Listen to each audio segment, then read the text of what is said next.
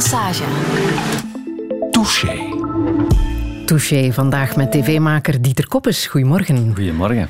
Er loopt ondertussen al de vierde reeks van uh, Down the Road op één vanavond derde aflevering. Ja, inderdaad. inderdaad. Ja, en net op tijd uh, gemaakt, hè? want jullie waren Echt, terug voor corona uitbrak. Ja, ja, een paar dagen zijn we vroeger naar huis gekomen. Ja, ze hebben, Omwille van die reden? Omwille van die reden. Ja, we zaten eigenlijk wel in een heel veilig gebied. Lapland is eigenlijk altijd al een groene zone gebleven gedurende heel het jaar. En we waren ook heel hard in onze eigen bubbel daar aan het rondreizen. Ver van iedereen, want ja, de, de bevolkingsdichtheid stelt daar niet veel voor. Um, maar VRT liet ons toch wel weten toen we onderweg waren van mannetjes. Het, gaat, het is hier allemaal aan het veranderen. Lockdown, daar spreken ze van. En dan zijn we toch een paar dagen vroeger teruggekomen. Nou, maar een geluk bij een ongeluk dat we er nu wel kunnen naar kijken, naar uh, jouw reeks van uh, Down the Road. Hoe was het ook om jouw vrienden van de eerste reeks terug te zien? Heerlijk eigenlijk. Ja. Dat, dat was ook de, de, het, het, idee van hoe is het nu eigenlijk met die mensen van de eerste reeks. Hè? Want ik blijf contact houden met allemaal. Hè. Um, Daar heb je zelfs WhatsApp-groepjes mee. We hebben WhatsApp-groepjes, dus WhatsApp ah. Down the Road 1, de 2 en een 3. dus mijn ja. broekzak die staat niet stil. ik volg die ook echt. Uh, en uh, we hebben regelmatig contact. En je, je weet ook dat die, ja, dat die vriendschap heel hecht is geworden. Dat zijn echt telkens zes hechte vrienden geworden na zo'n reis. Die gaan elk jaar samen met hun ouders op reis naar een plaats waar wij zijn gepasseerd met Down the Road. Dus dat is, ja, dat is, dat is heel mooi om te zien als wij op reis vertrekken met zes mensen die elkaar niet kennen, dan is er altijd zoiets van, oeh, ben ik nu verliefd op de die? Of, of is dat vriendschap? En dan moet ik hen altijd een beetje bij helpen van, wow, wacht, ja. vriendschap, liefde, dat is verwarrend. Hè? Dus ja. dat hebben de kijkers ook al wel eens gezien. Mm -hmm. Nu, met deze groep op reis gaan, dat is, iedereen heeft zijn plaatsje gevonden. Er is een koppel, er is een net nieuw koppel, hè, stilletjes gegroeid. En, en ja, die, die kennen elkaar goed en, en die kunnen elkaar op hun plaats zetten en zo. Dus er is, ja, dat is heel mooi om te zien. Dat is een volwassen vriendschap. Zo. Dat, is zo, dat is zo rijper. Zo. En dat was, dat was een andere manier om te reizen. Het ja. programma is ook nu weer een kijkcijferkanon. Ja. Doet jou dat deugd? Uiteraard, ja, dat, dat, dat is leuk. Hè. Dat, het staat nu ook voor de eerste keer op zondagavond. Dus ja, het was ook wel te denken dat dat net iets Het is meer... gepromoveerd, het is, maar ja, zondagavond. Ja, een stapje vooruit. Um, Nee, ja, dat, dat, dat doet me uiteraard wel deugd dat mensen daar graag naar kijken. Hè. Het is ook, ze zijn zo puur, ze zijn zo schoon van, van persoonlijkheden. En dat, dat doet me vooral deugd dat mensen hen hebben leren kennen. Ah, en opvallend is ook dat de presentator van het programma, met name Dieter Koppes, opvallend weinig in beeld is. Is dat ben ik bewust? weinig in beeld, is het waar? Je vraagt niet uh, de hoofdrol. Nee, ja, dat is denk ik wie dat ik ben. Um, ik, ik ben geen tafelspringer, ja. Nee. Je bent er als begeleider. Ja, en, en, en ik merk dat ook als ik tv maak. Ik, ik, ik sta eigenlijk liever op de achtergrond. Mm -hmm. of, of ik laat liever anderen shinen dan. Ja. Uh, en ik zal hen daar wel bij helpen waar nodig. Maar ik ben niet, ben niet de man die, uh, die echt uh, zelf heel tijd in de spotlights wil Want hoe zou jij jezelf omschrijven? Oh, dat is zo'n moeilijke, hè. hoe, zou, um, hoe zou ik mezelf omschrijven? Ik... ik, ik um, ik denk dat ik mm, een redelijk rustige mens ben. Uh, ik, ben ik, ik hou van mensen. Uh, dus, dus ik. ik uh, ja, maar, maar ik, ik, zal andere mensen eerder laten schitteren dan, dan, dan mezelf. Mm. Ja. Iemand die moeilijk nee kan zeggen? Ook, ja, heel moeilijk. Heb ik moeten leren, want er komen heel veel vragen op mij af de laatste tijd. Wat voor vragen? heel veel goede doelen. Um, die allemaal Dieter Koppers als de ideale man zien om het goede doel uh, een gezicht te geven. En ik, ik, draag die allemaal een warm hart toe, maar dat is onmogelijk om dat te doen, want ja, ik, ik, ik heb ook mijn leven. Mm -hmm. dus dat is moeilijk. En hoe zeg je dan nee? Um, um, heel beleefd via mail. Vroeger deed ik dat zelf. Sommigen ja, die ontgaan mij gewoon, omdat ik nog maar net op, heb ontdekt dat je op Instagram ook heel veel berichten kunt sturen. Daar staan echt duizenden berichten die zeggen van mijn zus verjaart, Dieter, kun je alsjeblieft een filmpje opnemen?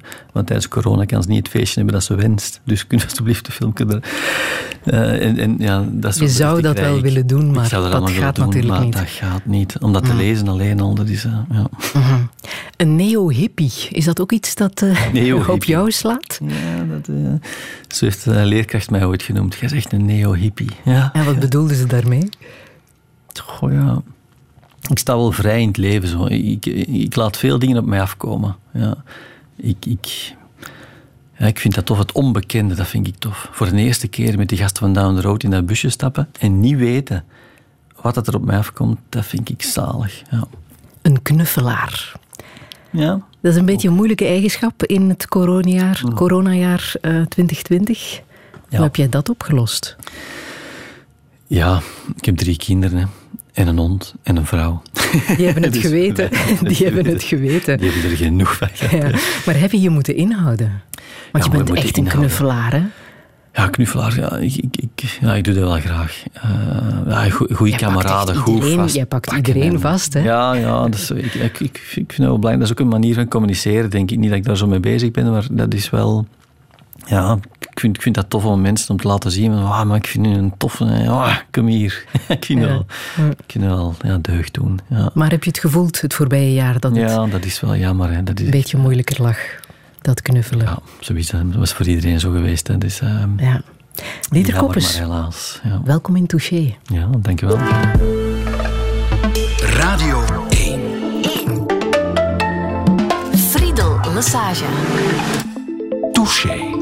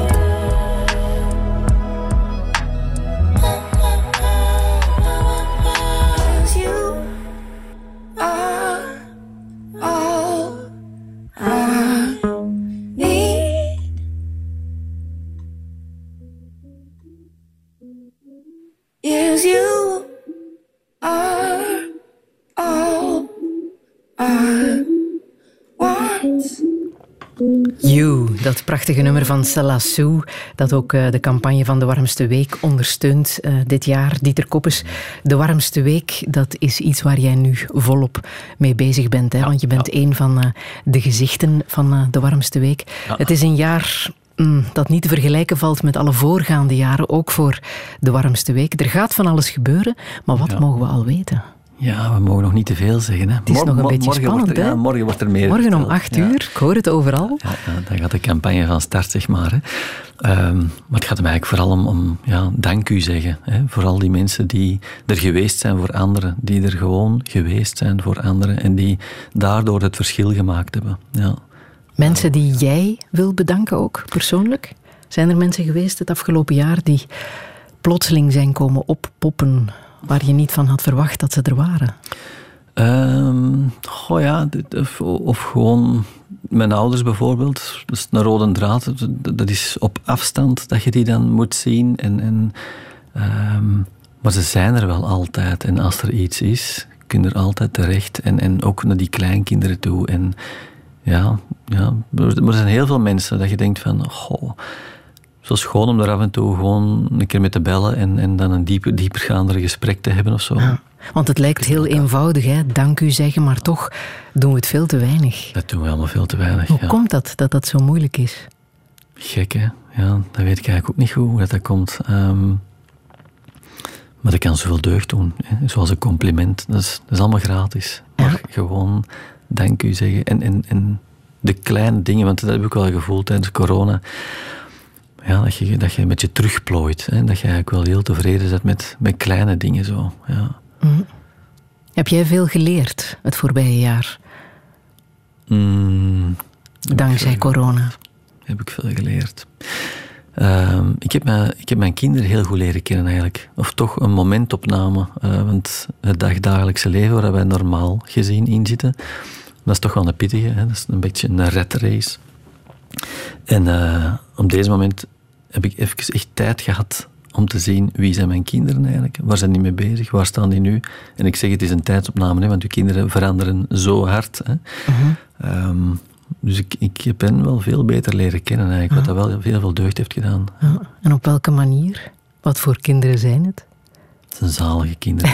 nee, nee, echt. eh, ja, dat zijn. Dat zijn eh, ja, je, je kunt er wel op rekenen. Die, die, die zijn eigenlijk heel zelfstandig. Ehm, papa, ik zal wel aan het eten beginnen.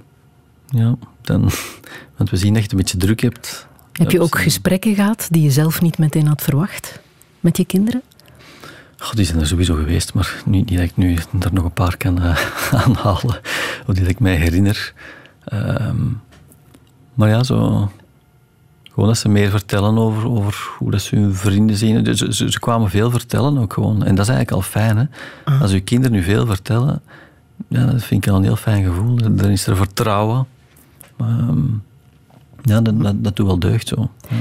Een van de dingen die het voorbije jaar naar boven zijn gekomen, eh, is natuurlijk dat mensen ehm, in deze tijd meer eenzaam zijn geweest dan anders. Ook mensen die schijnbaar helemaal niet eenzaam eh, zijn. Gezin, kinderen, goede familie, vrienden.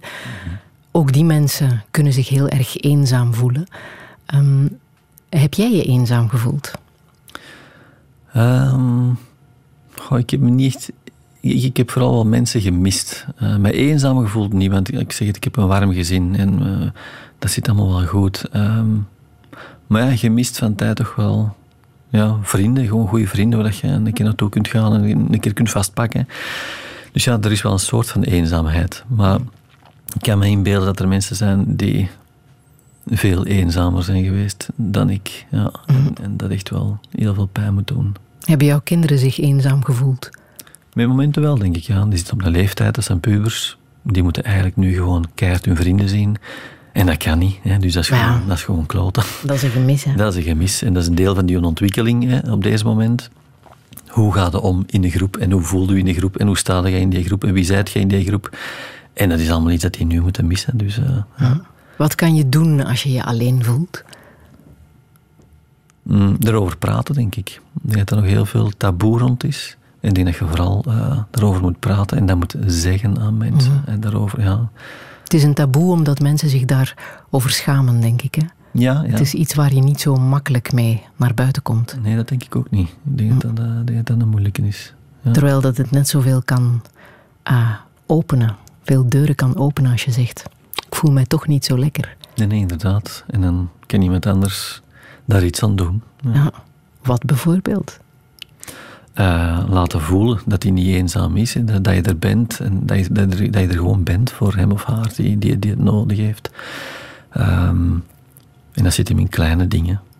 Luisteren, vooral luisteren, denk ik. Ja. Ik heb dat vroeger ook nog wel meegemaakt. Ik, ik, ik, ik woonde in Antwerpen op een appartement en mijn buurvrouw, ik denk dat die heel eenzaam was. En die had van tijd echt nood aan een gesprek. En ik, deed dat ook. Ik, ik, ik, ging er ook vaak gewoon langs, tasje koffie drinken en dan eh, babbelen over dingen waar zij over wou praten. Af en toe moet ik wel zeggen, ging ik heel voorzichtig mijn appartement uit. Met de sleutel heel voorzichtig omdraaien, want ze stond er ook elke keer. Als ze mijn sleutel in het slot hoorden omdraaien. Ze wist dat je eraan Ehm, kwam. Ja, ze wist dat ik daar was. En, En dat gaat natuurlijk niet altijd. Dat gaat niet altijd. Ook dat mag je zeggen, hè? Ik moet gaan werken. En sorry, eh, Ja. buurvrouw, ik kom vanavond wel eens langs. Of volgende week spreken we eens af. Ja, Ja. Zo, zo ging dat dan eigenlijk. Hè. Ik kan me ook voorstellen dat jouw vrienden met het syndroom van Down het ook niet zo makkelijk hebben gehad, hè? Nee, inderdaad. Ja, die hadden het net zoals iedereen moeilijk. Die konden niet gaan werken. Eh, hun sociaal contact eh, werd geleid tot nul. Eh, er hebben er heel wat eh, zich stierlijk verveeld. Ja. Ja. En knuffelen kon ook, niet, hè? Nee, nee, Ja. nee. Maar ik heb ze regelmatig een keer opgebeld. Degenen die het zo nodig hebben, dat ik voel van oké, die hebben nu mij 15 keer proberen bellen binnen de minuut. Dan, dan bel ik wel eens even terug. En dan, eh, dan luister ik wel eens even en dan, dan doet dat ook weer deugd. Hè. Ja. Maar dus de warmste week. Morgen om acht uur komen we Yes. meer te weten. Mag ik een beetje raden? Zal het, zal het lekker zijn Doe maar. wat je gaat doen? Zal het lekker zijn? Ja, dat kan lekker zijn. Ja? Ja. Kunnen wij nog iets doen voor jou? Ehm, ja, misschien laat men, mensen laten weten dat ze mogen laten weten wie ze willen bedanken. Wie ze heel dankbaar zijn. Wie het verschil voor hen heeft gemaakt dit jaar. Vooral de actie volgen. Ik voel het. Vanaf morgen acht uur.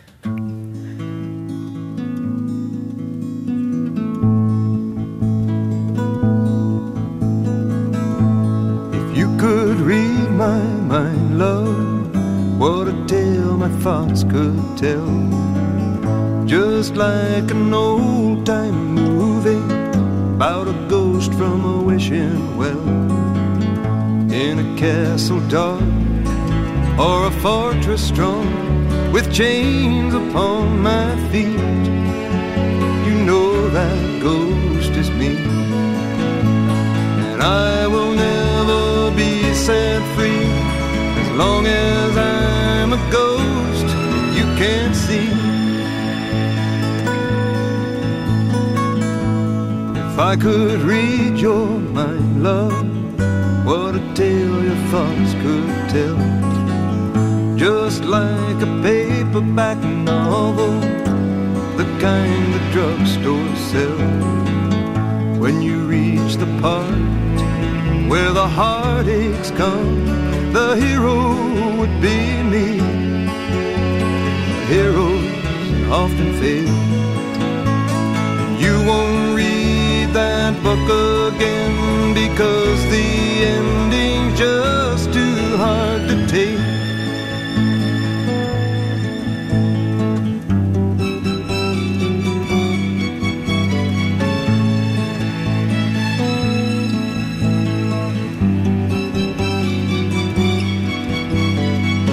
I'd walk away like a movie star who gets burned in a three-way script number two. A movie queen to play the scene of bringing all the good things out in me. But for now, love, let's be real. I never thought I could act this way, and I've got to say that I just don't get it. I don't know where we went wrong, but the feeling's gone, I just can't get it back.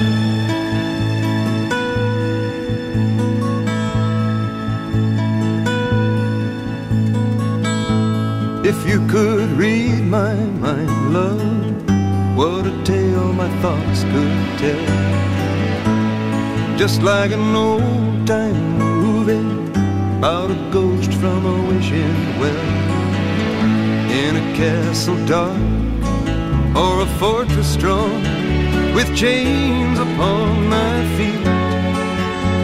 The story always ends if you read between the lines. You'll know that I'm just trying to understand the feelings that you lack. I never thought I could feel this way, and I've got to say that I just don't get it. I don't know where we went wrong, but the feeling's gone, and I just can't get it back.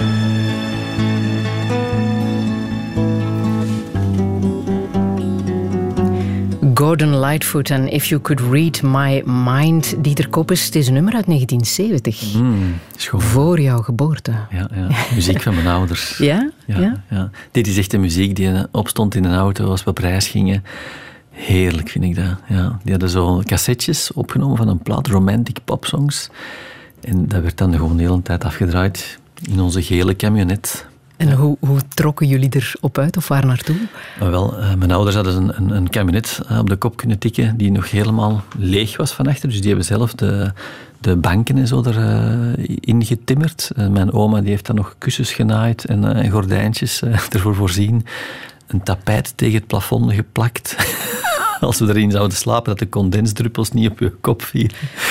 En dan, ja, dus met die auto, waar je, dan, je had er een tafeltje, maar dat tafeltje kon zakken en dan, dat kon ook een bed worden.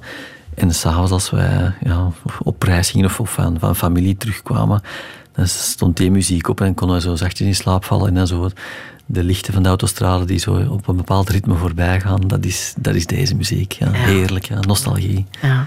En je ouders, wat voor, eh, wat voor mensen zijn dat? Ehm, hele goede ouders in de eerste plaats.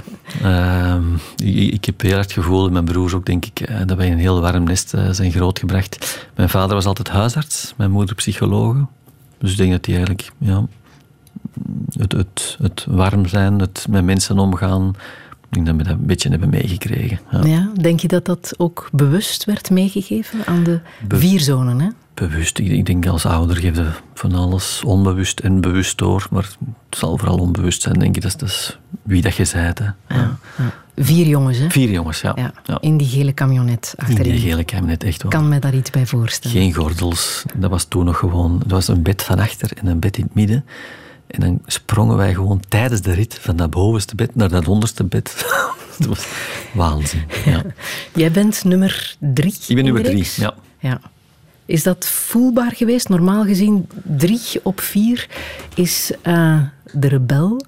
Diegene die eh, niet te veel opvalt, omdat er een oudere broer is en Die breken alles die alle op. verantwoordelijkheid draagt. Ja, ja, de oudste broer sowieso. En nog altijd. Ja? Een heel, heel groot verantwoordelijkheidsgevoel, nog altijd. Pas op, hè, pas op voor dat. Hè. Ah, let, let daarop. Hè. Eh, maar ja, mijn oudere broers die hebben eigenlijk gewoon alle wegen voor mij geopend. En ik kon toen de hippie uithangen. En wat is er van hen geworden, van de broers? Mijn oudste broer, dat is een shipbroker. Dus die zit, ja, dat is schepen die eh, moeten gelinkt worden aan een bepaald transport. Dus die, die maakt contracten tussen mensen die een schip hebben en een bepaald eh, ja, soort goederen dat moet vervoerd worden. Is dat 60.000 ton rijst en dat gaat de wereld rond. eh, Dat doet hij. Mijn, eh, onze Jeroen, een tweede, is architect. Ja, is, on- is onlangs naar Noorwegen verhuisd met zijn Noorse vrouw. Die heeft heel lang hier gewoond, maar nu de stap genomen om het, om het leven toch eens te, te proeven in Noorwegen. Ehm, en dan ben ik er. En dan Steven, de jongste, ehm, lang traiteur geweest, heeft nu een wijnhandel. Ja, Mm. Reizen, lekker eten. Het zit allemaal wel in de familie. Mhm. ja. ja, Ja. Wat zeker. wou jij worden toen je klein was? Maar wel, bioloog, natuurdocumentairmaker. eh, ja, dat, waar, dat was. eh, dat was zit er ook heel erg in, hè, in de familie Koppes, die liefde voor de natuur. Ja, ja inderdaad. Waar komt dat vandaan? Nou, wel, ik, ik denk... Ons vader nam ons vroeger altijd mee in een grote dierenencyclopedie. Dus eh, voordat we gingen slapen, en er stonden gewoon allemaal dieren in. En dan keken we erin en, god, zie deze, jongen, die python, dat is, de, dat is de grootste slang op aarde. En dan hier nog een leeuw. En dan zegt papa in die python, als hij dan die met die leeuw vecht, wie gaat er dan winnen? En dan kon hij daarover vertellen. Die namen, mijn ouders namen ons ook mee voor de natuurdocumentaires op tv. Dus dan zaten we samen gezellig tv te kijken. En dan, ja, die, die, die gaven nog een beetje een, een woordje uitleg, uit- uitleg extra. En op die manier eh, ja, is die interesse gewekt van de natuur. Hoe de natuur werkt, hoe de ecosystemen werken. Het helpt ook Dat wel als je dan in Zoersel woont. Hè? Ja, eh, ik heb lang in Antwerpen gewoond, dus gestudeerd en dan blijven hangen. En de stad heeft voor een jonge mens heel veel voordelen. Maar vanaf dat je dan twee kinderen hebt, dan ja, de- begon het groene toch terug eh, aan mij te trekken. En dan zijn we richting Zoersel getrokken naar het bos. Ja, terug naar de roots, want daar ben je roots, daar ben opgegroeid. Ja, inderdaad, ja. Ja. En Zoersel is ook een, eh, hoe zeg je dat, een zustergemeente van een, een plek in Roemenië, Mhm. waar jouw vader iets mee te maken heeft. Ja, Crucea, inderdaad. Ja, dat is een klein dorpje daar. En eh, mijn ouders, allebei mijn ouders, eh, ehm, zetten zich daarvoor in. Inderdaad, voor het, ehm, het zorgen voor die mensen daar. Dus onze gemeenschap, dus Zoosel, zorgt een beetje voor Crucea. Dus dat daar voor het onderwijs van alles eh, geleverd wordt. En, en in het dorp, dat, ja, met alles wat ze bij kunnen helpen, wordt er geholpen. Ja. Mhm. En spreken ze ook de taal? Ah, wel, ik moet zeggen, ons vader echt een talenknobbel. Ik heb dat helemaal niet. Ons vader die ligt s'avonds in zijn bed met een boekje Roemeens. Hè, dat is, wat een super moeilijke taal. Ja. Dat begint hij dan gewoon te leren. En dan, ginder is dat de man die dus... eh, eh, de tolk. Dus op de expeditie naar Cruce is hij de tolk en iedereen spreekt Echt? ons vader aan. En, en hij, is, eh, hij communiceert met iedereen. Ja. Ja. Maar goed, bioloog ben jij niet geworden. Nee, nee, nee. Interesse is er nog wel steeds. Cursus natuurgids afgerond, dat wel. Eh, maar bioloog ben ik niet geworden. Nee, het is grafisch ontwerper Ja, ik geworden. ben grafisch ontwerper geworden. Na het middelbare, ik had even genoeg van de klassieke vakken. Ik heb op een eh, college gezeten, Sint-Jan Bergmans College in Westmalle. Toen een beetje, allee, toen ja, dat was een, een iets strenger college. En zo de, de klassieke manier van dingen leren, dat lag me niet. Nee. Dat, dat lag me echt niet. En ik had het zo gehad. En toen dacht ik, nu gaat het anders zijn. Dat was ook merkbaar op je eh, rapport. Ja, dat ging, eh, dat ging van goed naar minder goed. En met de hakken over de sloot het zesde jaar. Ja. En dan met een luid gebrul en gejuich eh, de gang uitlopen op het einde van het zesde. Wat was het ergste eindresultaat dat je daar hebt gehaald? Ik ben afgestudeerd. De- Moet die nu echt op de radio naar mijn kinderen luisteren? 54 procent. ja, Hmm. dat is geen vet, hè. Deed dat pijn? Dat deed pijn, ja. Dat doet iets met uw zelfvertrouwen. Dat is even, uw zelfbeeld is even eh, aan het diggelen.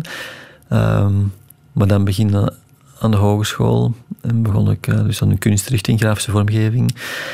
Ehm, en daar studeerde ik dan af met hoge onderscheiding. En dus je, je kunt je even terug optrekken op dat ladderke. Hmm. Het komt altijd goed, hè? Het komt altijd goed.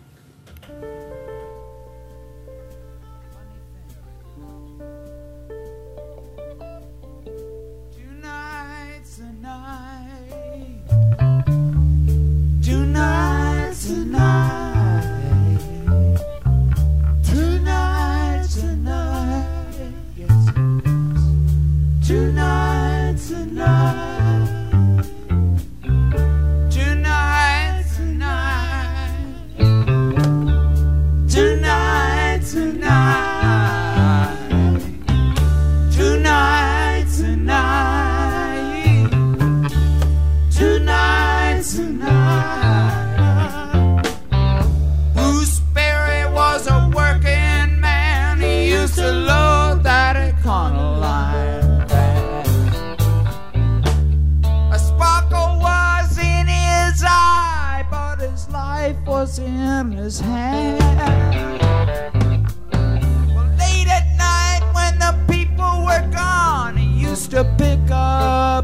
My guitar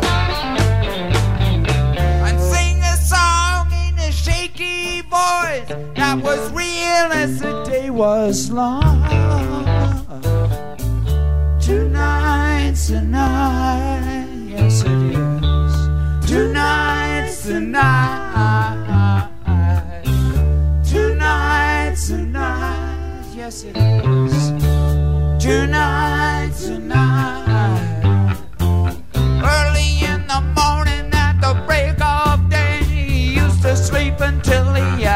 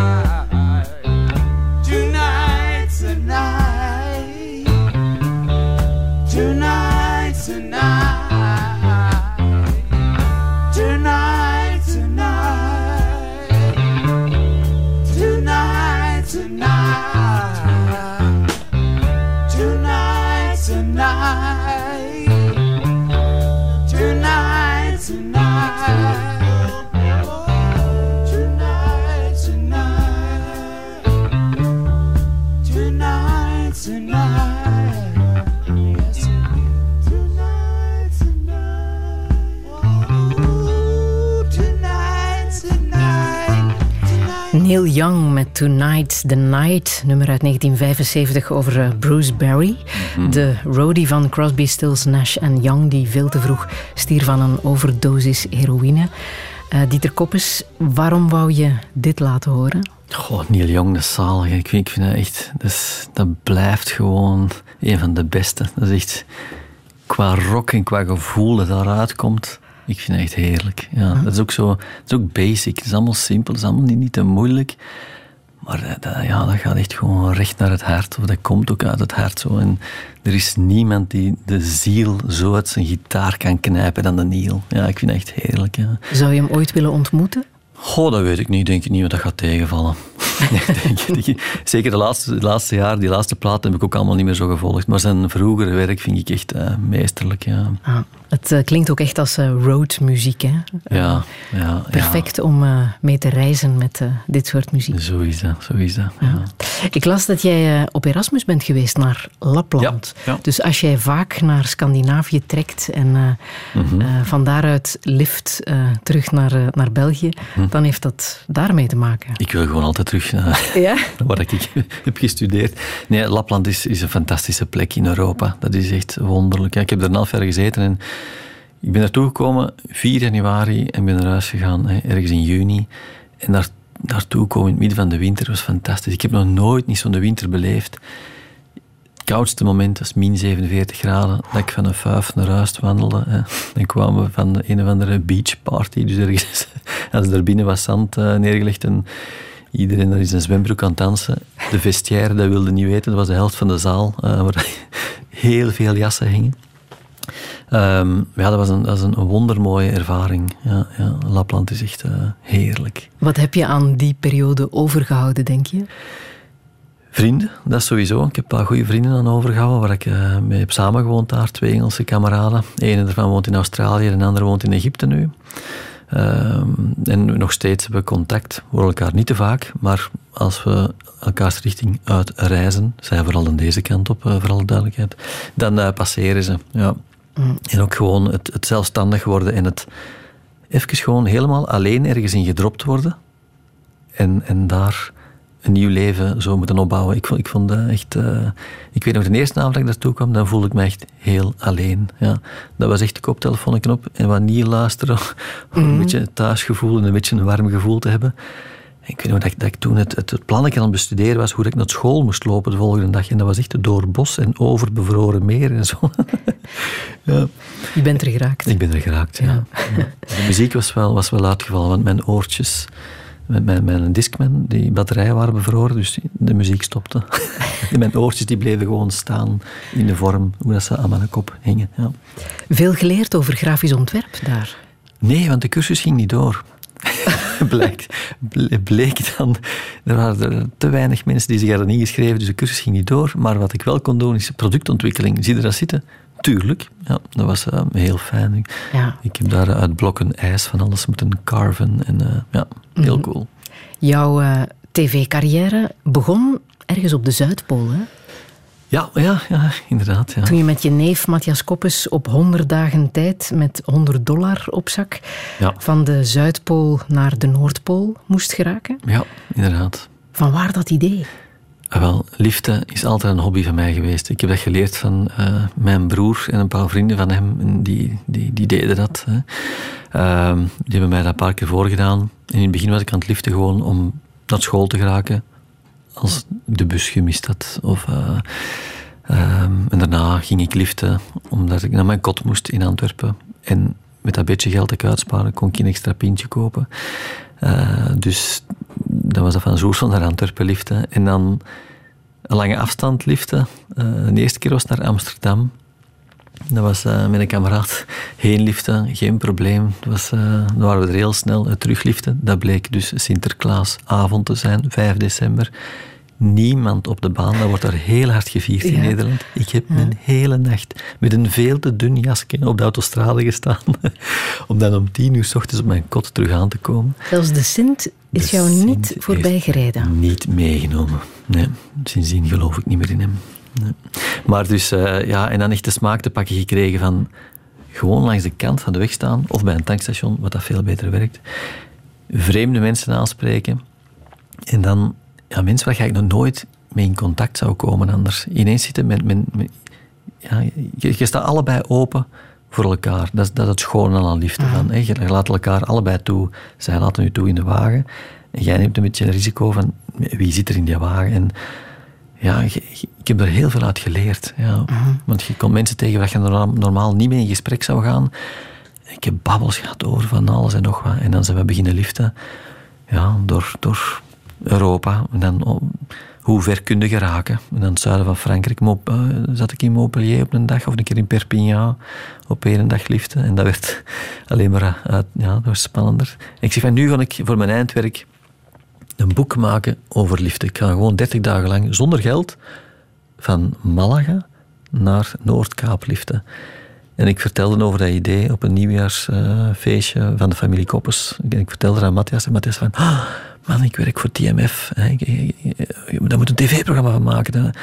Ik zeg, ja, als jij dat wilt, eh, je mocht je dat er gaan voorstellen. Ik ga er een boek rond maken met allemaal lifttips en mijn verhaal en foto's van de mensen die ik tegenkom. En de week nadien zei Matthias, eh, we hebben een afspraak in Amsterdam, we moeten naar TMF, we gaan het dan verkopen.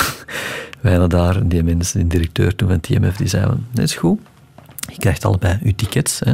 Eh, en je krijgt een cameraatje waar je mee mocht filmen, zo'n klein cameraatje. Dat mogen houden en dat is uw loon. En wij sprongen een gat in de lucht. Dat was ons loon. ik heb de grafiek gemaakt en Matthias heeft toen alles gemonteerd op zijn, op zijn, zijn, zijn kamertje. Dat is, Goedkope eh, tv. Dat is goedkope tv. Dat is zo afgeleverd bij TMF.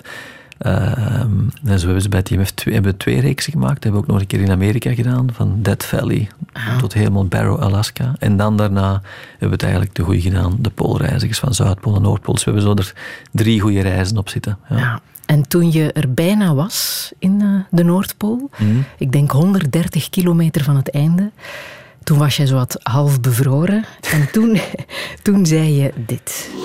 denk, dat ik hier zo op zit te riddelen en zo, dat dat echt gewoon de reactie is van mijn lijf. Dat zegt van, stop, misschien niet snel genoeg geweest. Maar dat is zo stom.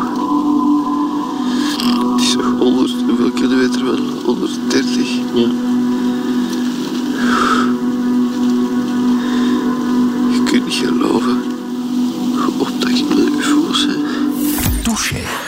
Was eerder prevelen. Moeten we daar ondertitels bij voorzien, Dieter? Ja, je was echt bevroren, hè? De, Ja, bood- de bevroren. boodschap was, ik zie het niet meer zitten. Ja, maar wij hebben 90 dagen lang gelift. En dan konden wij mee op een expeditie met Dixie Dansercourt, hè, die dan ging materiaal testen hè, op de Noordpool. Dus we hebben dat gehaald, hè, net op tijd. Samen met Dixie Dansercourt is het dan wachten op een vlucht die dan vertrekt wanneer ze vertrekt. Dus dat was dan het midden van de nacht, want nu zijn de weersomstandigheden goed.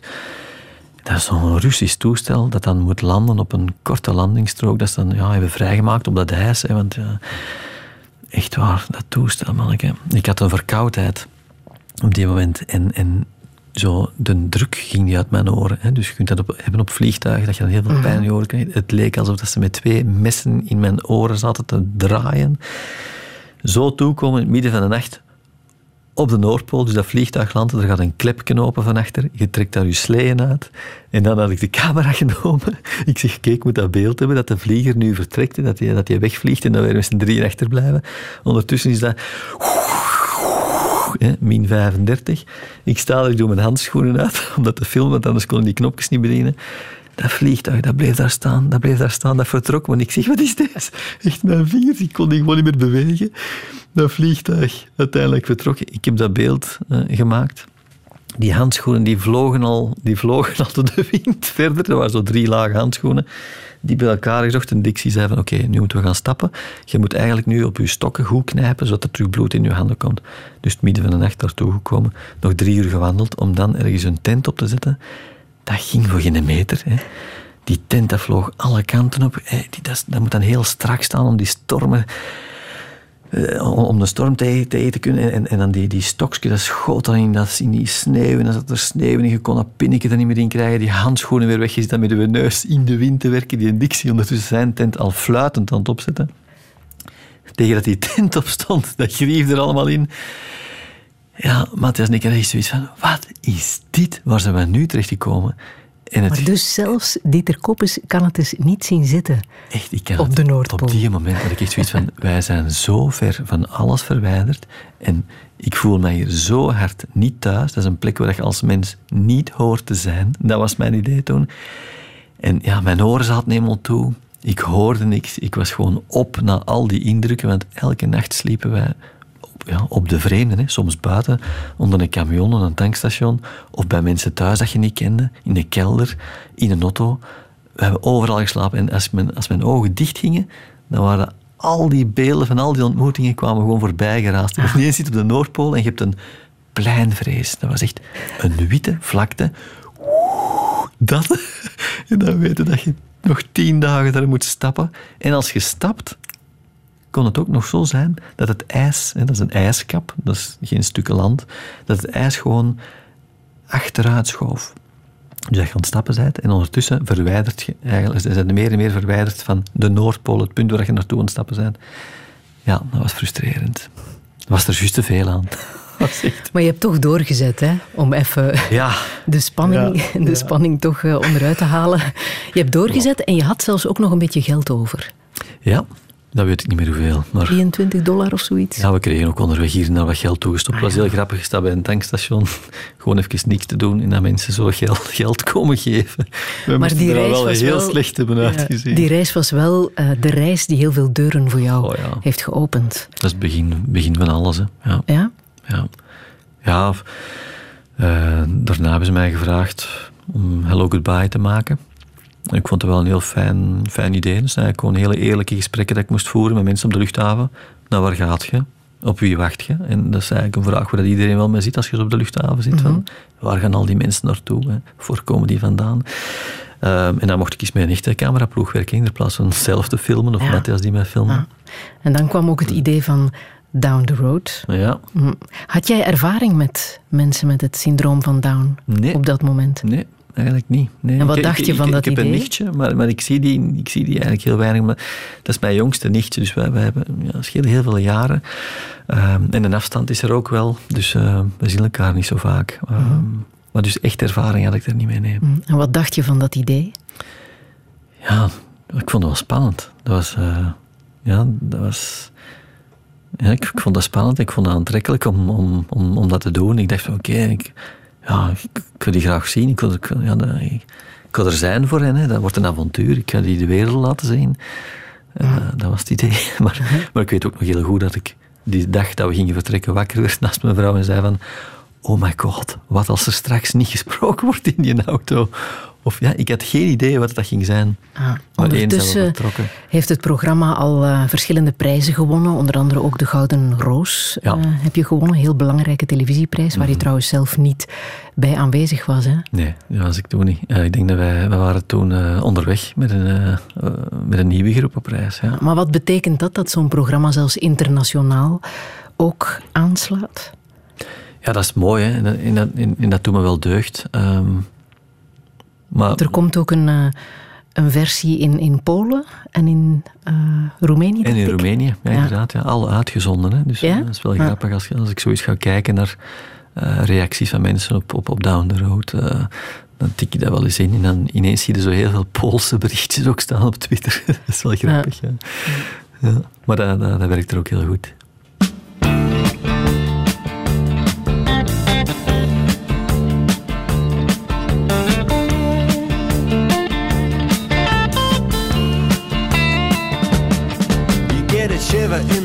Dark, it's raining in the park, but meantime.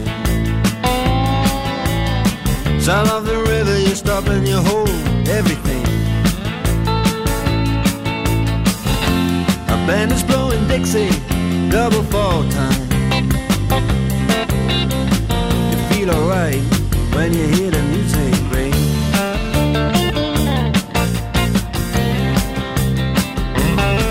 Well, now you step inside, see too many faces. Coming in out of the rain, they hear the jazz go down. Competition in other places. Uh, but the horns, they blowing that sound. Way on down south. Way on down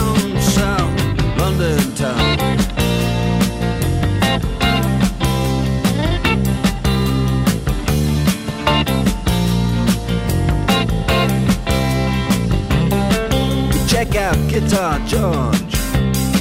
He knows all the chords. But it's strictly rhythm, he doesn't wanna make it cry or sing.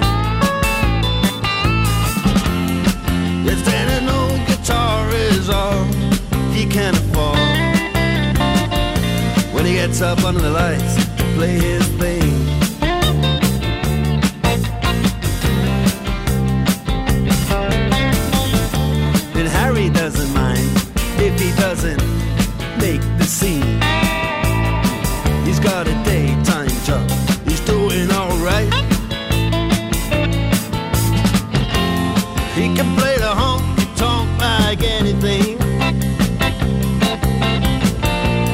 Saving it up Friday night. With the Sultans, with the Sultans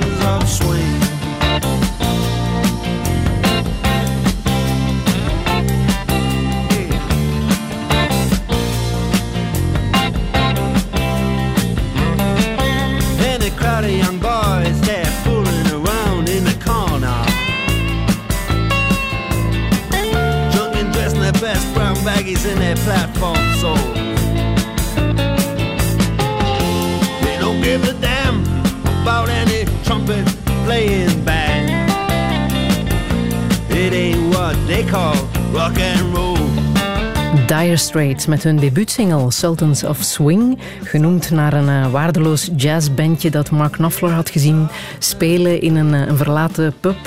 Dat bandje heette dan Sultans of Swing. Dieter Koppes, waarom wou je het laten horen? Goh, ja, dat is mijn eerste plaatje dat ik ooit heb gekocht. Ja, een cd'tje zo. Ja. ja, En dat draai je dan grijs, hè? en dat draaide grijs, ja. Heb jij zelf muzikaal talent?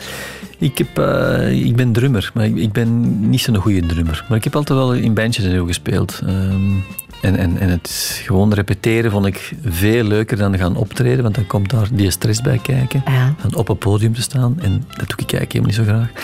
Ehm, maar dat repeteren, ook al klinkt het maar vijf minuten goed, op twee uur lang repeteren ergens een avond, dan is dat gewoon zo hemel, zodat je kunt een connectie vinden door muziek met, met vrienden. Ja, top. Hoe kom jij tot rust? Eh, dan ga ik de natuur in. Dan trek ik de natuur in, ja. Bijzonder hoeveel mensen nu pas de natuur en de kracht van de natuur Gek, ontdekken. Hè? Echt gek. Ja? Ja? Ja, Het moet zijn dat dat toch iets oer in de mens zit, dat de natuur u terugroept. Hè. Heb jij daar een uitleg voor? Ja, eh, zo lang geleden waren wij nog in connectie met de natuur. En ik denk dat heel veel mensen dat gewoon helemaal kwijt zijn. Maar diep in ons. Allee, je ziet dat er nog. Hè. Ik bedoel, wij leven van de natuur. Ehm, dus we moeten ze soigneren ook. Ja. Hoe ver ga jij in jouw liefde voor, eh, voor de natuur? Hoe ver ga ik?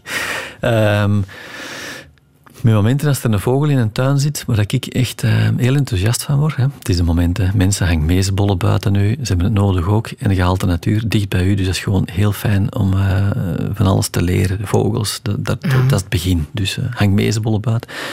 Als je dan een goudvink ineens in een tuin ziet zitten, wat toch al redelijk zeldzaam is hier in Vlaanderen, dan word ik wel heel enthousiast en dan bel ik mijn vrouw. Ruud, er zit een goudvinkje. En dan zegt hij, meen je dat? meen jij dit? Belde jij mij daarvoor? Geniet ervan, schatje. En, Ja, ja. Voilà. Ja, je hebt ook een vogelgids en een, een plantengids die je altijd meeneemt. Ja, de- een verrekijker is ook altijd bij mij. Ja. Ja. ja. Er zijn heel wat collega's die zeggen, Dieter, is, eh, niet altijd stoppen onderweg voor, voor, voor die vogel. Ja. Gewoon, we moeten ergens zijn. Ja. Ja. Ehm, je hebt eh, altijd wel ook eh, eh, Diane Fossey en Jane Goodall eh, gevolgd. Spreekbeurten over gegeven, dat weet ik niet meer. Ja, ja, zo ja, mijn ouders zijn ooit eh, daar geweest. Ja, goeie- Ja? Een goede vriend van mijn ouders is eh, bioloog altijd geweest en heeft in Rwanda gewerkt. Die hebben er 25 jaar lang daar gewoond en gewerkt. Eh, zijn er ooit op bezoek geweest en die, die zijn ooit echt nog bij de Berggorilla's geweest. Ja. Mhm. Ook foto's van ons moeder en vader bij de Berggorilla's. Ons vader noemen we nu nog de zilverrug. Ja. Hij heeft er iets van. Ja. Zou je dat willen? Helemaal afgezonderd tussen de gorilla's gaan leven. Ik zou dat wel kunnen. Of, of daar een project van maken. Ik zou dat Ja? wel kunnen. Ja, ja. ja maar... eh, Er is iemand die het heeft gedaan met een octopus, een Mm. tv-maker. mhm. En dat is te zien in eh, My Octopus Teacher op Ja. eh, Netflix. Heb jij ook gezien, hè? Onlangs gezien, ja, fantastisch. Ja, ik, vond, ik vond dat heel boeiend. Eh, Waarom was dat voor jou zo fascinerend? Ja, die, die man, die, die, zijn situatie, zat ook met een burn-out of zo. Hè, en, en, en zocht terug rust in zijn hoofd. Eh, en gaat dan eigenlijk op zoek naar de natuur. Hè. Dus de, de kust is vlakbij waar hij woont. En hij zegt van oké, nu ga ik gewoon voor mezelf elke dag, ik ga gewoon elke dag de zee ingaan. En ik zie wel wat er gebeurt. En die ontdekt eigenlijk de, de schoonheid van dat plekje. En wat dat eigenlijk eh, ja, altijd heel gewoon lijkt en waar, dat- er niet veel gebeurt, gebeurt er van alles. En hij, hij geraakt eigenlijk, bevriend is een groot woord, maar hij geraakt in een soort van relatie met een octopus die in het begin heel veel schrik van hem heeft en wegzwemt, maar daarna ja, toch hem begint te vertrouwen. En dat is zo mooi in beeld, hoe dat je dan zo ineens die arm van die octopus ineens rond die vingers van die man ziet gaan. Ja, dat is fenomenaal. Ja, Dit is trouwens muziek uit die documentaire. Geloof je ook dat je uit een burn-out kan geraken door je focus compleet te verleggen? Even weg van die mensenwereld, de drukte eh, waar Denk- je, ja. waarin je even verstrikt eh, bent geraakt? Ik denk van wel. Ik denk, ik denk dat ja, de natuur, ik zeg het, het, het zijn nog maar een paar generaties dat we eigenlijk er zo een beetje van weggestapt zijn. Of wij toch als westerse wereld. Wij leven in een hele geconstrueerde wereld en wij denken dat we allemaal blij worden van dingen te kopen en nog meer dingen te kopen en meer dingen te hebben. Maar daar zit hem het geluk niet. Hè. En, en dat is nu al grappig om te zien dat heel veel mensen de natuur ontdekken tijdens corona. Dat, dat er toch naar dat bos gegaan wordt en, en mensen ja, voelen dat toch wel, denk ik, dat er een soort van. Ja, dat is. Wij zijn deel van dat grotere geheel. Ja. Ah. Heb jij al zo oog in oog gestaan met een dier dat je niet elke dag ontmoet? Ja, ik, heb, eh, ik ga regelmatig zo een loopje doen, het Soeselbos, en dan niet elke dag ontmoeten. Een, een, elke ontmoeting met een ree is, eh, is fantastisch, oog in oog. Ja. Dieter Koppes, we praten zo meteen verder. Radio 1. Friedel Lassage. Touché. Touché met de warmste man van televisieland, Dieter Koppes. Empathie werd er bij de familie Koppes met de paplepel ingegoten. Net als zijn verbondenheid met de natuur. Hij is misschien geen professor exacte wetenschap geworden, maar aan de Universiteit van het Leven scoort hij hoge toppen. Buikgevoel en authenticiteit zijn zijn wapens. Zijn beste vrienden hebben het syndroom van Down en wie denkt dat hij de ideale man is, moet vooral zijn vrouw bellen. Maar hoe moet het verder? Leven we ooit in een wereld zonder plastic? Is er liefde voor iedereen? En wat als het noodlot ook bij hem eens toeslaat? Dit is Touché met Dieter Koppes. Een goede middag.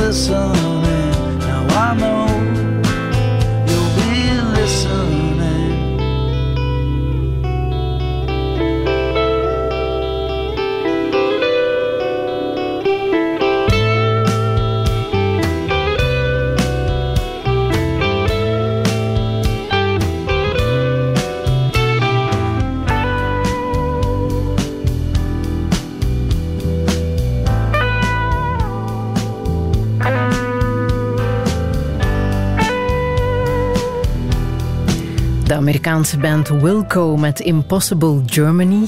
Hier al helemaal eh, gelauwerd door eh, Dieter Koppes. Waarom is deze band zo fantastisch? Live zijn ze zo goed, hè. dat is echt zalig. Ja, ja dat, dat blijft een plezier om die mannen live bezig te zien op het podium. Jullie Je bent echt zelf een concertganger. Ja, ik ga niet naar zoveel concerten kijken, maar er zijn toch een paar bands, als die komen, dan ga ik kijken. Ja, en waarom dan dit nummer? Ja, goed nummer, maar ik moest er één kiezen. Hè. Ze hebben veel goede nummers. Ja. Hoe volg jij het nieuws, Dieter? Eh, ik lees wel s ochtends even de krant. Ook al ben ik er een tijdje mee gestopt, omdat ik er een beetje depressief van werd. Van al het nieuws dat binnenkwam, dat ik me er echt slecht door kon voelen. Van, oh my god, het gaat zo slecht met de wereld. Zo, ik ben er wel gevoelig aan. Ehm, maar maar ja, ik vind wel dat dat nodig is, dat je, dat, dat je toch een beetje mee bent. Ja. Als er nieuws is over Ineos in eh, de haven van Antwerpen, dan heb jij dat gelezen. Hè? Dan heb ik dat gelezen. Ja, ja, daar werd ik een beetje slecht gezien van. Zo. Wat is het laatste nieuws daarover? Het laatste nieuws is dat ze eigenlijk een, ehm, een vergunning vragen om eh, een bos te kappen. En uh, Zoal Demir heeft dat nu toegestaan. Hè. Een, een, een, die hebben een vergunning afgeleverd. Ze zouden een bos moeten kappen, want Ineos wil eigenlijk hun raffinaderij vergroten. Ehm, dus ze willen meer plastic beginnen fabriceren. En als ambassadeur van Mij Plasticvrij, ja, dan weet ik wat de gevolgen van plastic zijn. En dat is eigenlijk echt, dat is dikke miserie. Hè. Je Plastic is, is een heel goed product. Dat is duurzaam. Dat is, dat, dat, dat is niet kapot te krijgen. Maar dat is ook het nadeel. Want wij gebruiken dat heel vaak als single-use plastic. Dus eenmaal verpakken en dan gaat dat met de vuilnis. Dus 40% van het plastic dat geproduceerd wordt, is na een maand gewoon getrashed. Hè. En dan doet de verpakkingsindustrie ons geloven dat, die, dat er heel gerecycleerd wordt. Want wij doen het allemaal in de blauwe zak. Trouwens ook een bedrijfje dat dat ophaalt in blauwe zakken van de verpakkingsindustrie. Die zeggen van, mannetjes, je sorteert goed, je recycleert goed, hè, want het wordt allemaal gerecycleerd. Slechts 10% ervan wordt gerecycleerd, de rest wordt verbrand. Vroeger werd, dat naar het oosten gestuurd en dan werd dat daar als een tweederangs uh, grondstof hè, verkocht. Dat ging dan uh, op schepen naar Ginder. Nu moet het zien er ook niet meer hebben, dus uh, nu wordt er gewoon heel veel plastic verbrand en je wilt niet weten wat er dan allemaal vrijkomt. Een groot deel, 50%, belandt niet in de vuilbak, hè, belandt in de zee. Hè. Uh, uiteindelijk, iedereen heeft het verhaal wel een keer gehoord van plastic soep. Dus om dan een nieuwe fabriek te gaan plaatsen, die nog eens zoveel meer van die plastic hè, grondstof gaat aanmaken, die gemaakt wordt trouwens van schaliegas dat in de Verenigde Staten wordt opgedolven, gaat dan in boten de zee over en wordt dan hier verwerkt tot een product dat nooit meer verdwijnt. Daar word ik wel kwaad van eigenlijk, ja, dat dat nog kan. En dan hebben ze zoiets van, ah, miljardeninvestering, interessant voor de haven. Hè. Ja, is het ook de- dat dat jou stoort? Zo de euf- Ja, euforische berichtgeving rond het feit dat dat contract is binnengehaald? Ja, er zijn bepaalde politici eh, die, zoiets hebben van maar dat is goed voor onze welvaart. Hè. En dan, maar ja, welvaart is dan het woord dat dan door klimaatactivisten... Hè, zouden in- 450 jobs gecreëerd worden. Allee, ja, maar er wordt gewoon... Er gaat een uitstoot zijn van elkaar niet meer. Hè, over het geheel, over het opdelven en het fabriceren. En dan uiteindelijk zitten met een enorme hoop rommel die dat wij niet meer nodig hebben. Eh, en dan ook gewoon de manier waarop dat, dat aangevraagd wordt, dat wordt dan blijkbaar... Ik ben geen expert, maar ik lees, ik vertel nu wat ik gelezen heb. Dat ze de, de vergunningen in, in, in eh, schijfjes aanvragen. Want anders zou de EU het nooit niet toestaan. Hè? Omdat het gewoon te vervuilend is overal. Maar dus, ja... Dat er dan in deze tijden nog geïnvesteerd wordt, miljardeninvestering lees ik dan, in een fabriek die ons eigenlijk allemaal geen deugd gaat doen hè, de komende zoveel jaren. Het is toch nu gewoon het moment om anders met onze wereld om te gaan. Hè. We hebben laten zien dat we solidair zijn voor elkaar tijdens corona.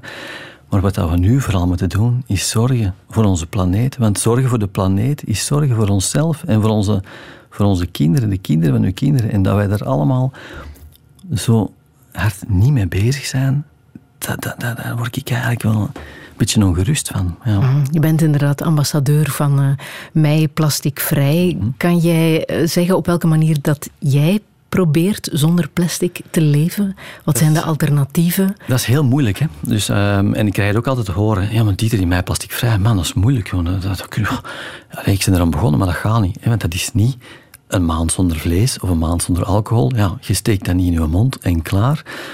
Mij plasticvrij, we kunnen er gewoon niet omheen. Hè. Ga al maar eens boodschappen doen. Ga maar eens boodschappen doen. Hè. En, je, en, en je kan dat doen. Hè. Want, en er zijn al... eh, eh, eh, er zijn nu al van die zakjes hè, voor je fruit en groenten in te steken dat je kunt hergebruiken. Hè. In bepaalde winkels gaat het al beter met de verpakking. Maar het is...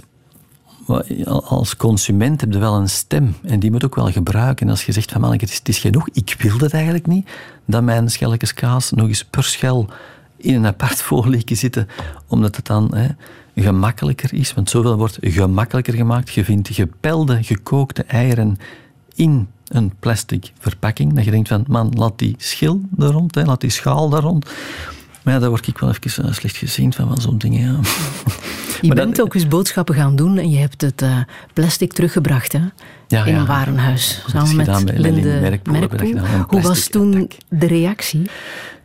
Ja, ja zoiets van, ja, ja die, die, die man die, die stond erbij en die keek ernaar, die wist eigenlijk niet veel te vertellen. Die zei ja, we zullen het terugnemen. En wij zeggen van, ja, maar het is toch aan jullie, want dat was toen bij Albert Heijn en die steken werkelijk alles in plastic.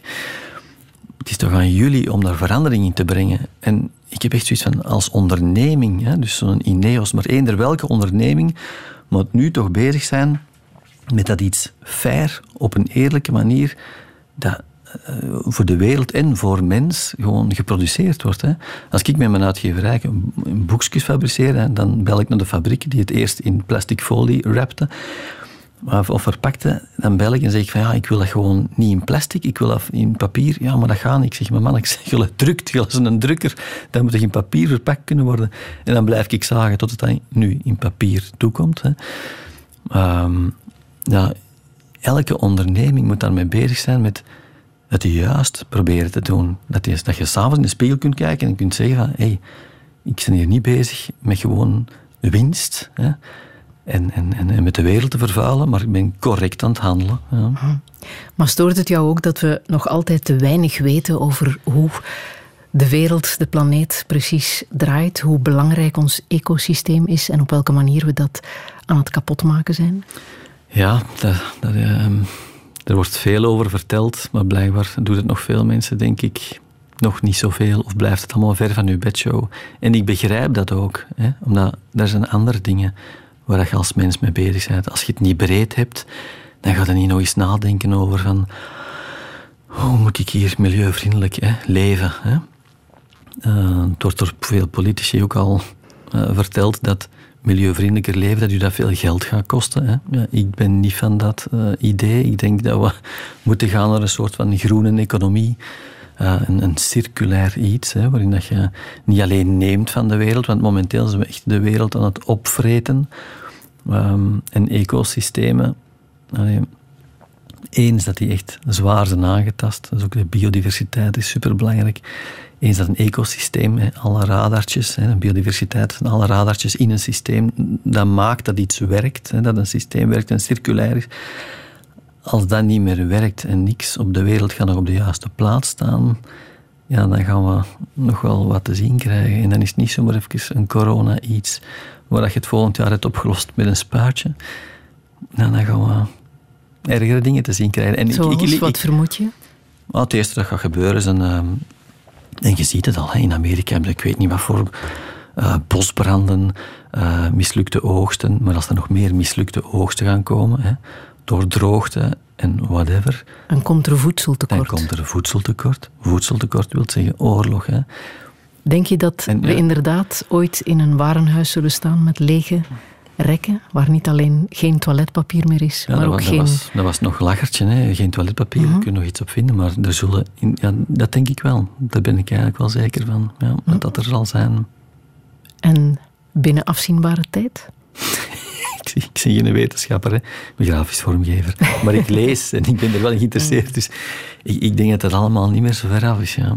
Ik heb ook beter nieuws uh, voor jou. Ja, kom aan. Gilles Peters gaat een programma maken over het klimaat en de biodiversiteit voor Canvas. Mag ze jou bellen? Ze mag mij zeker bellen. Dat is goed.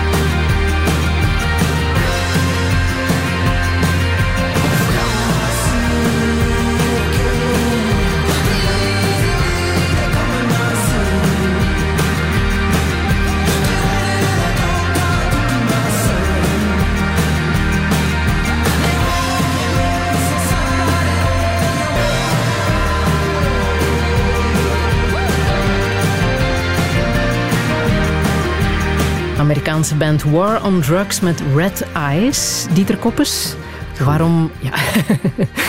alle, nummers, alle nummers die ik heb gekozen zijn goed, uiteraard. ja, het is je geraden. Stel je voor.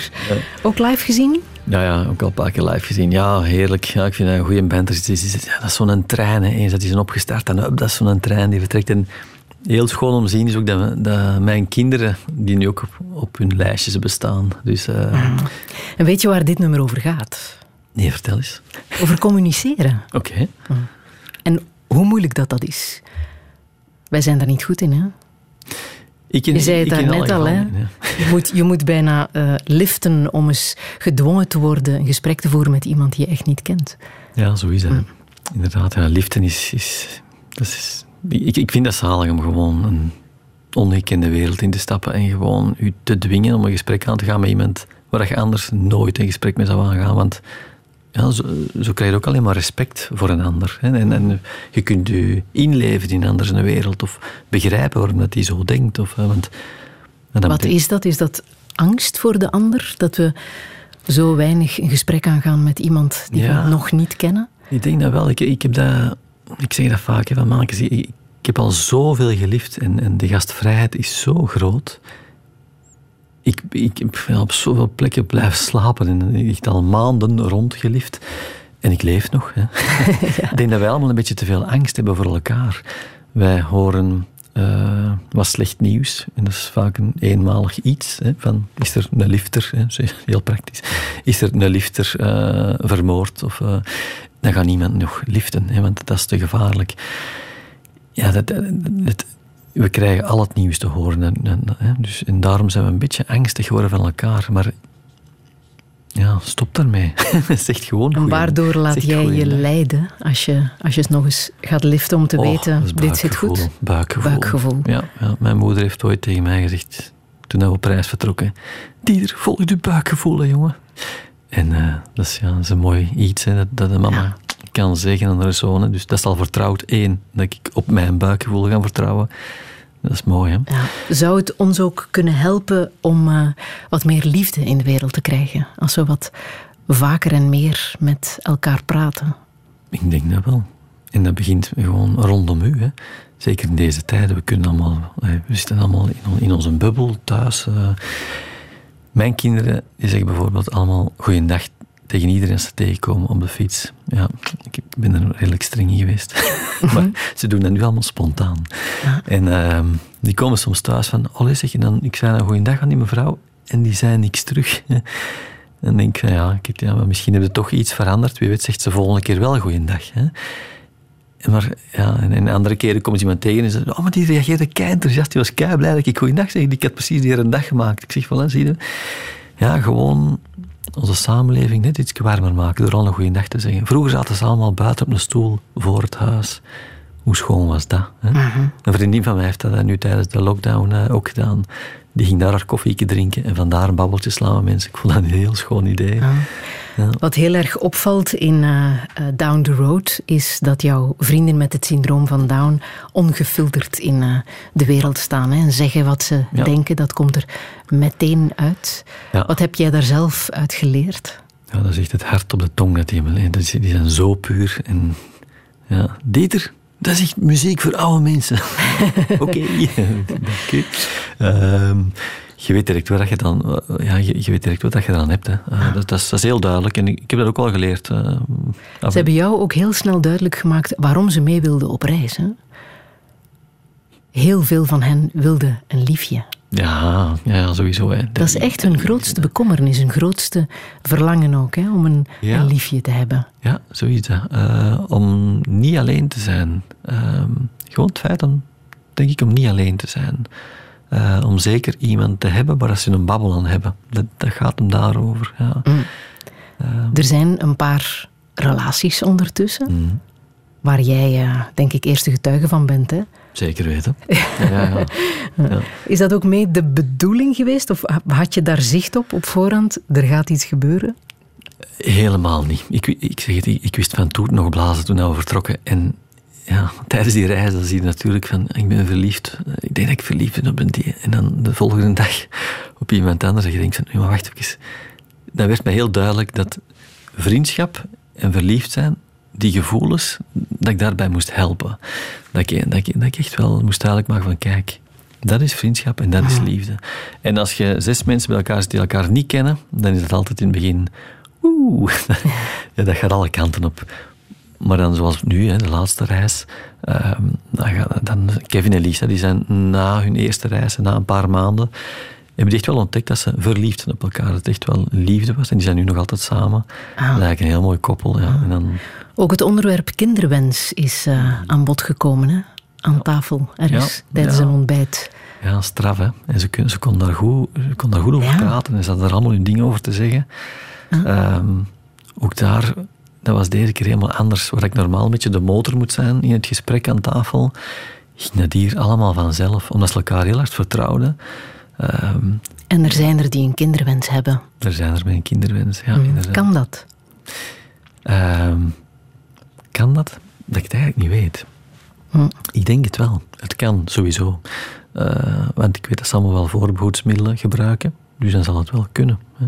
Mhm. Ehm, nu, ja, of het gewenst is, ik denk dat dan... Dan kijk ik naar de ouders. En ik denk dat ze, daar, hè, dat, ze dat ook aangeven. eh, dat ze daar ergens op iets stoten. Hè, van, dat kan niet. Hè. Mhm. Maar ze geven het ook zelf heel mooi aan. Martijn gaf het ook heel mooi aan van... Ja, maar ja, je moet er dan wel voor zorgen. En kan ik wel papa zijn? Kan ik voor iemand anders zorgen? Als nu wel mensen deels voor mij moeten zorgen.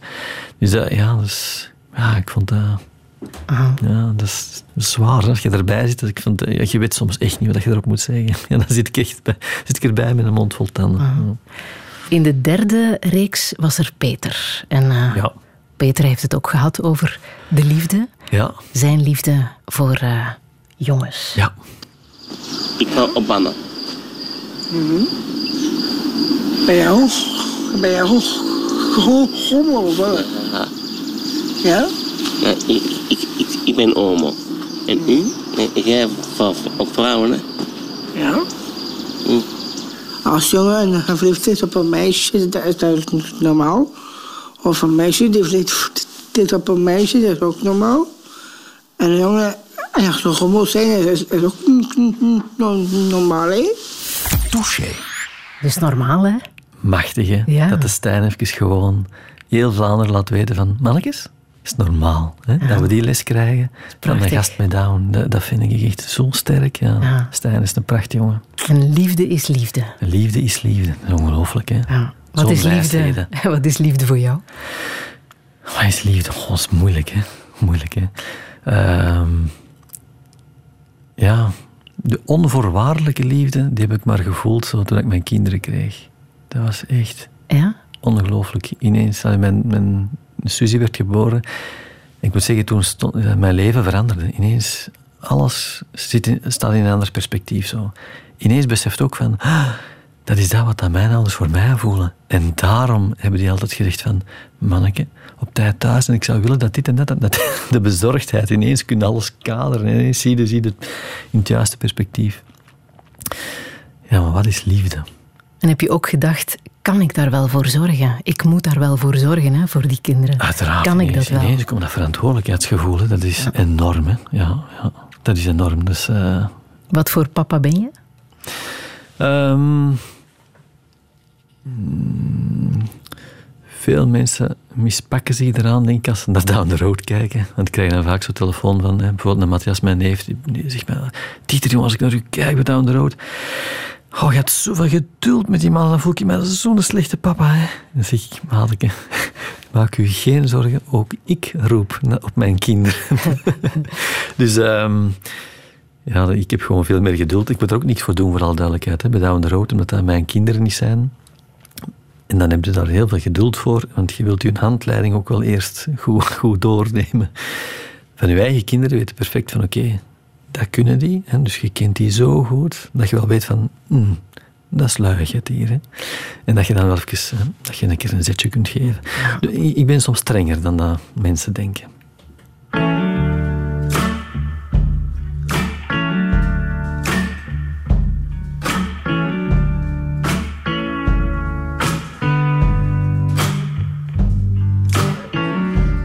Lost in the light. I pray for the night to take me, to take me to.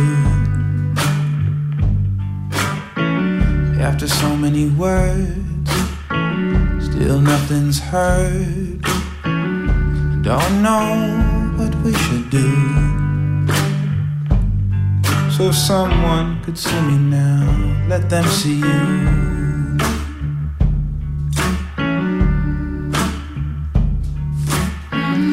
My greatest thrill when we just stood still. You let me hold your hand till I had my fill. Even counting sheep don't help me sleep. I just toss and turn right there beside you. So if someone could help me now, they'd help you too. Help you to see you through all the hard things we've all gotta do.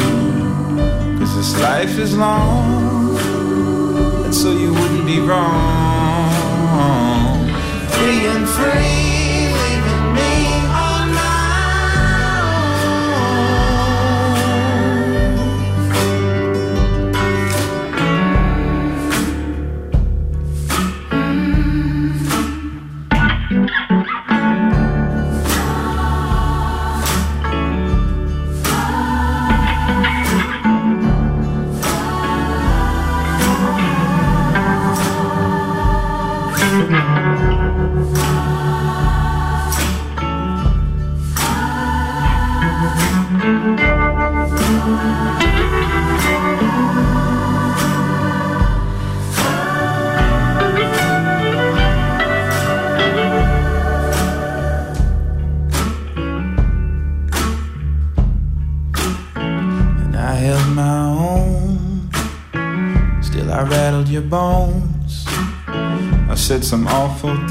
I take them back.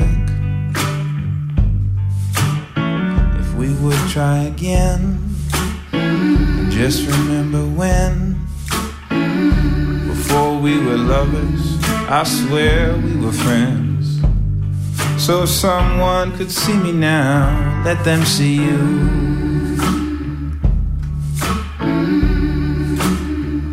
Let them see you, see you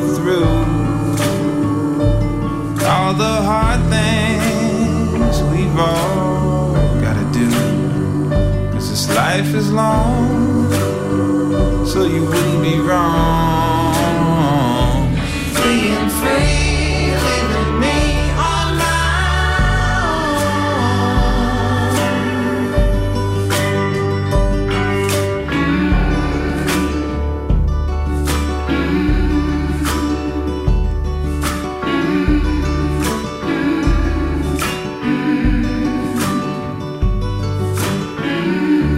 Lost in the Light van Bahamas. Dieter Koppes, prachtig nummer is dit. Ja, fantastisch hè. En niemand kent dat.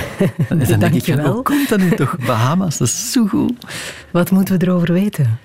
Ja, dat is een Canadees. Eh, gewoon een hele fijne kerel. Ik volg je ook op Instagram. Ik moet er altijd heel hard mee lachen. Dat is zo nog een hele gewone, maar een grappige mens.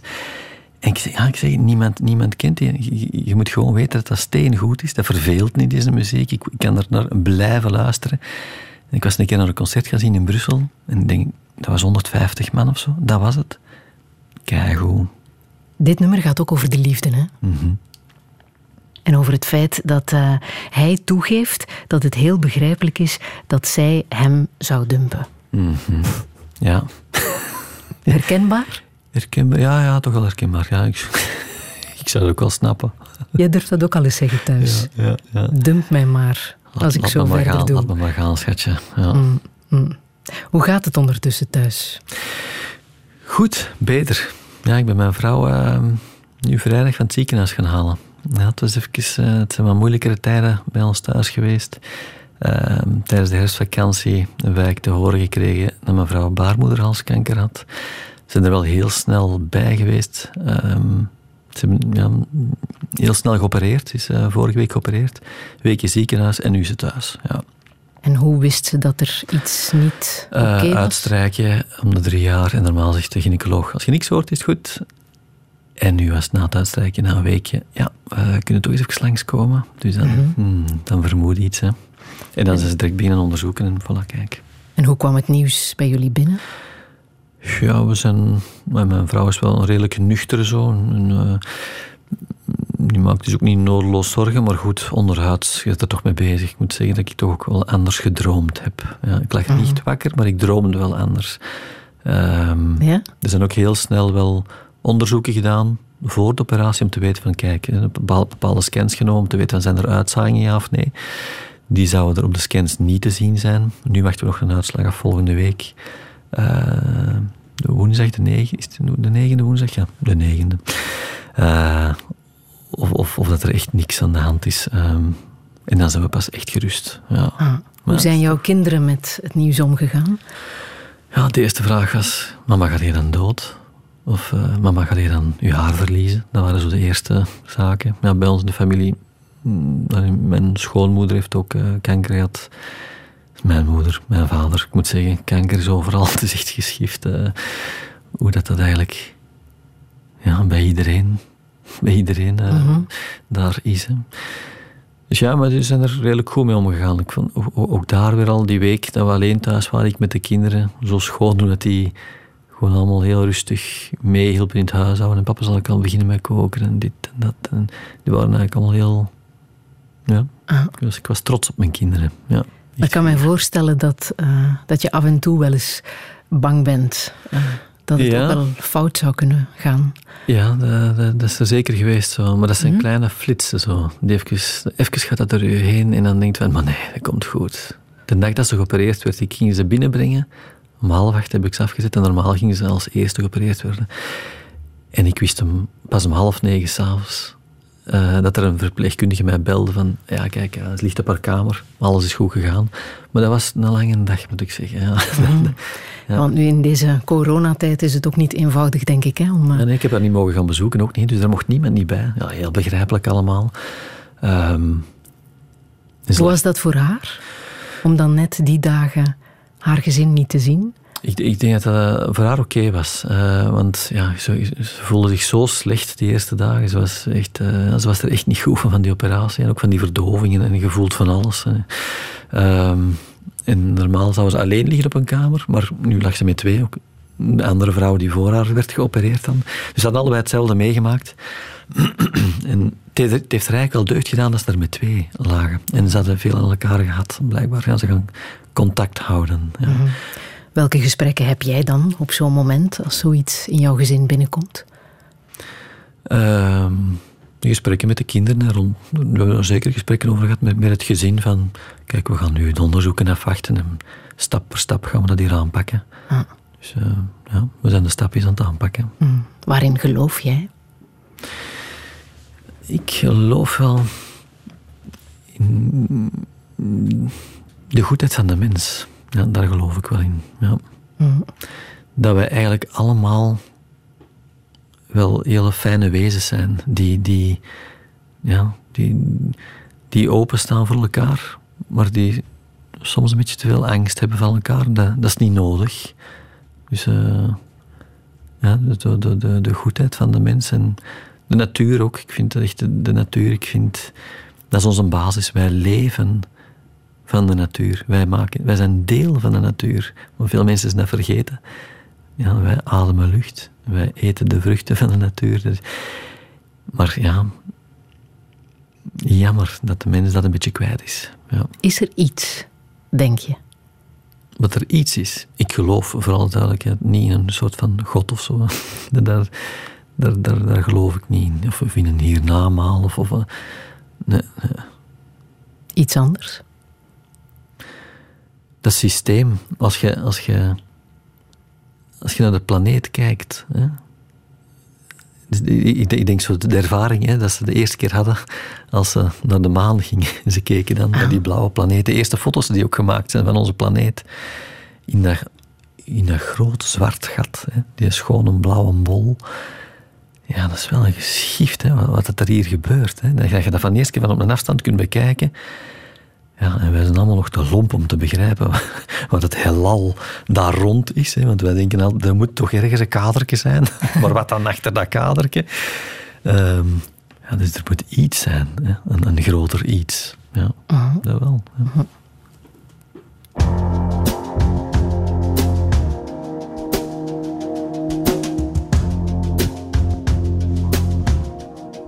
Now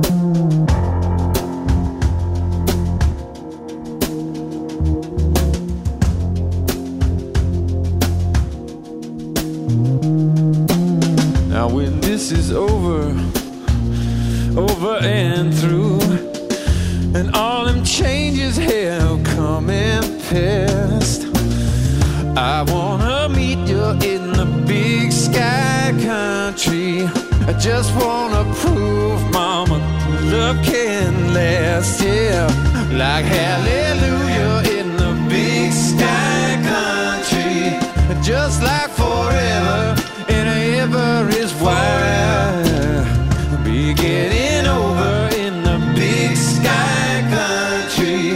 be kissing time. Kissing time. Goodbye. God knows it's all been done. Let me tell you why.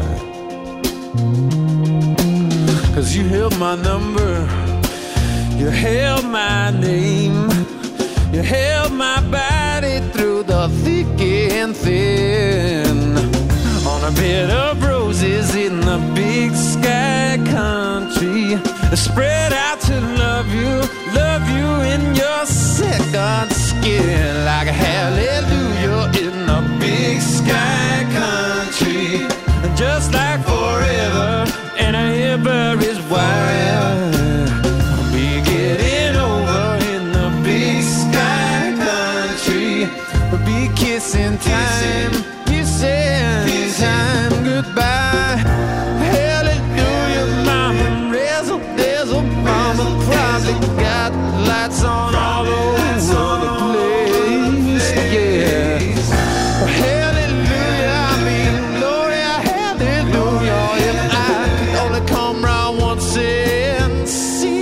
your face.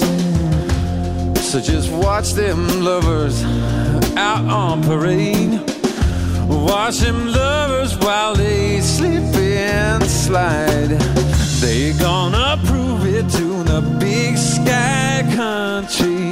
They're just gonna prove it while the whole world collides. Yeah, like hallelujah in the big sky country. Just like and ever is why. Be getting over in the big sky country. Be kissing time, be kissing time goodbye. Meeting our maker in the big sky country. Be just like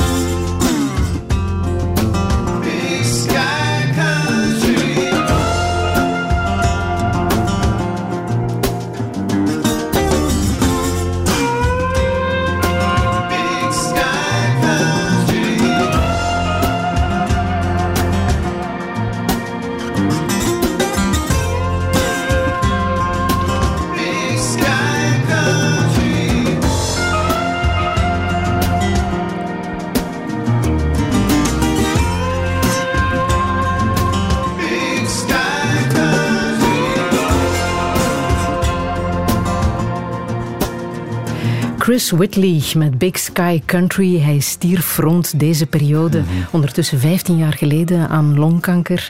Hij eh, is slechts 45 geworden. Waarom moesten we dit nummer laten horen, Dieter Koppes? Ja, ook muziek dat ik heb meegekregen via mijn broers. Eh, ja, ik, ik, ik vind dat hele mooie muziek en, en ik heb er wel een goed verhaal bij eigenlijk. Die, men, ik speelde ook vaak als ik op kot zat. Hè. Chris Whitley CD, ik stond op en eh, de Bart, een goede kameraad van mij, ook uh, daar op kot zat. Die zei van, ja, Dieter, ja, die Chris Whitley, waar jij soms uh, speelt, die komt bij ons Momo spelen. Ik zeg, excuseer, Bart, Chris Whitley bij de Momo. ja, bleek dus dat ja, Chris Whitley is ooit getrouwd hè, met een vrouw uit Gent. Ja. En dan enkele vrienden daarvan hadden, ja, een connectie met familie, met een tante van Bart. En de Bart zijn moe woonden in een kasteel. En dus daarboven in een kasteel had hij een grote zolder. En Chris Whitley kwam daar spelen. En ik mocht er ook naartoe als ik zorgde voor de sandwichjes. Dus als ik de sandwichjes ging smeren in de namiddag. En dan mocht ik s'avonds ook eh, daarbij zijn bij dat concert. Dus uh, ik kwam daartoe. Mijn sandwichjes lagen daar klaar. Naast de gitaar van Chris Whitley. Die lag naast de sandwichjes. Dus ik heb dit dan toch maar even een kusje gegeven.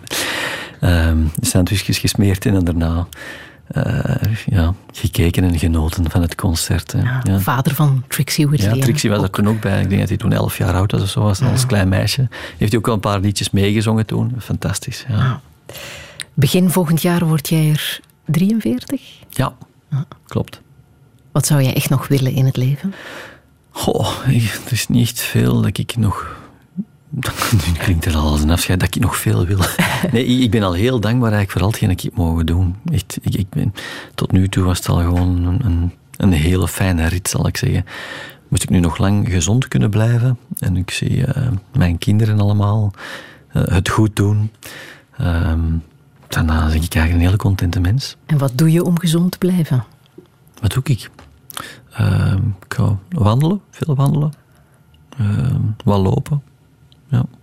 Dat zijn er dingen. Een beetje beweging. Mhm. Gezond koken? Ben je daar goed in? Ik, kook niet zo vaak. Nee, mijn vrouw kan heel goed koken. maar maar ik, ik, ja, ik ga het net iets meer doen. Ja. ja. En plannen ook voor televisie? Uh, momenteel zijn we iets aan het opnemen met uh, Siska Schoeters. Ben ik een programma aan het maken, De Wonderjaren. Het gaat over uh, opvoeden. We gaan zeker niet aan de mensen zeggen hoe dat ze hun kinderen moeten opvoeden. Want dat doet iedereen op zijn manier. En er zijn vele manieren. Elk kind is ook anders op te voeren, heb ik zelf al ondervonden. Um, maar we reiken wel wat dingen aan ja, die wel interessant kunnen zijn als ouder om mee te pakken. Dingen waar je zelf al baat bij hebt gehad? Het, is, is misschien al... Eh, veel dingen zijn misschien al wat te laat. Mijn, mijn kinderen zijn al wat ouder. Maar ja, toch onlangs uh, in de reportage... Dat ging over puberteit en, en hoe te communiceren. Hè. Dus communiceren met een puber. Als daar een soort van conflict is, valt er niet te communiceren. En dan moet iedereen even terug in zijn venstertje komen. Dus dat is eigenlijk een, het venstertje gebruiken. gebruikt een psychiater als uitleg van kijk en dat binnen, is... dat venster zit in een soort van rustfase, dat je terug dingen kunt opnemen, dat je terug in gesprek kunt gaan, dat je niet in de aanval gaat of, of uh, mm. dat je niet vol adrenaline zit. Ja. Dus als er, als, de, als er een conflict is met de puber, even alles laten rusten. En dan daarna terug in gesprek aangaan als de gemoederen bedaard zijn. ja. Welke boodschap wil je hier nog meegeven? Welke boodschap wil ik meegeven? Komt allemaal goed. We moeten lief zijn voor elkaar, lief zijn voor de planeet. En dan komt alles goed. Ik heb nog muziek uit de film Arizona Dream van oh. Emir Kusturica. Mhm. Muziek van Goran Bregovic. Specifiek het nummer Dreams wil je laten horen. Mhm. Waarom? Ja, dat is zo'n nummer. Ik heb dat ooit leren kennen via die film. Een heel rare film van een vis die door de woestijn zwemt. Uh, maar die soundtrack is zo goed. Ja. En dat liedje, als ik dat opzet in een auto, dan voel ik me echt in de zevende hemel.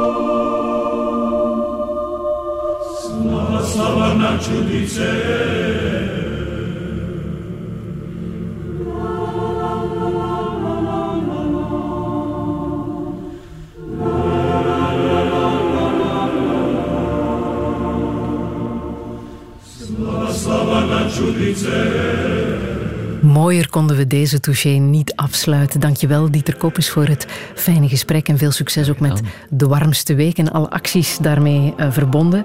Alle info staat ook na te lezen op onze website radio1.be. En volgende week verwacht ik hier Matteo Simoni. Mm -hmm. Ik wens je nog een heel fijne zondag.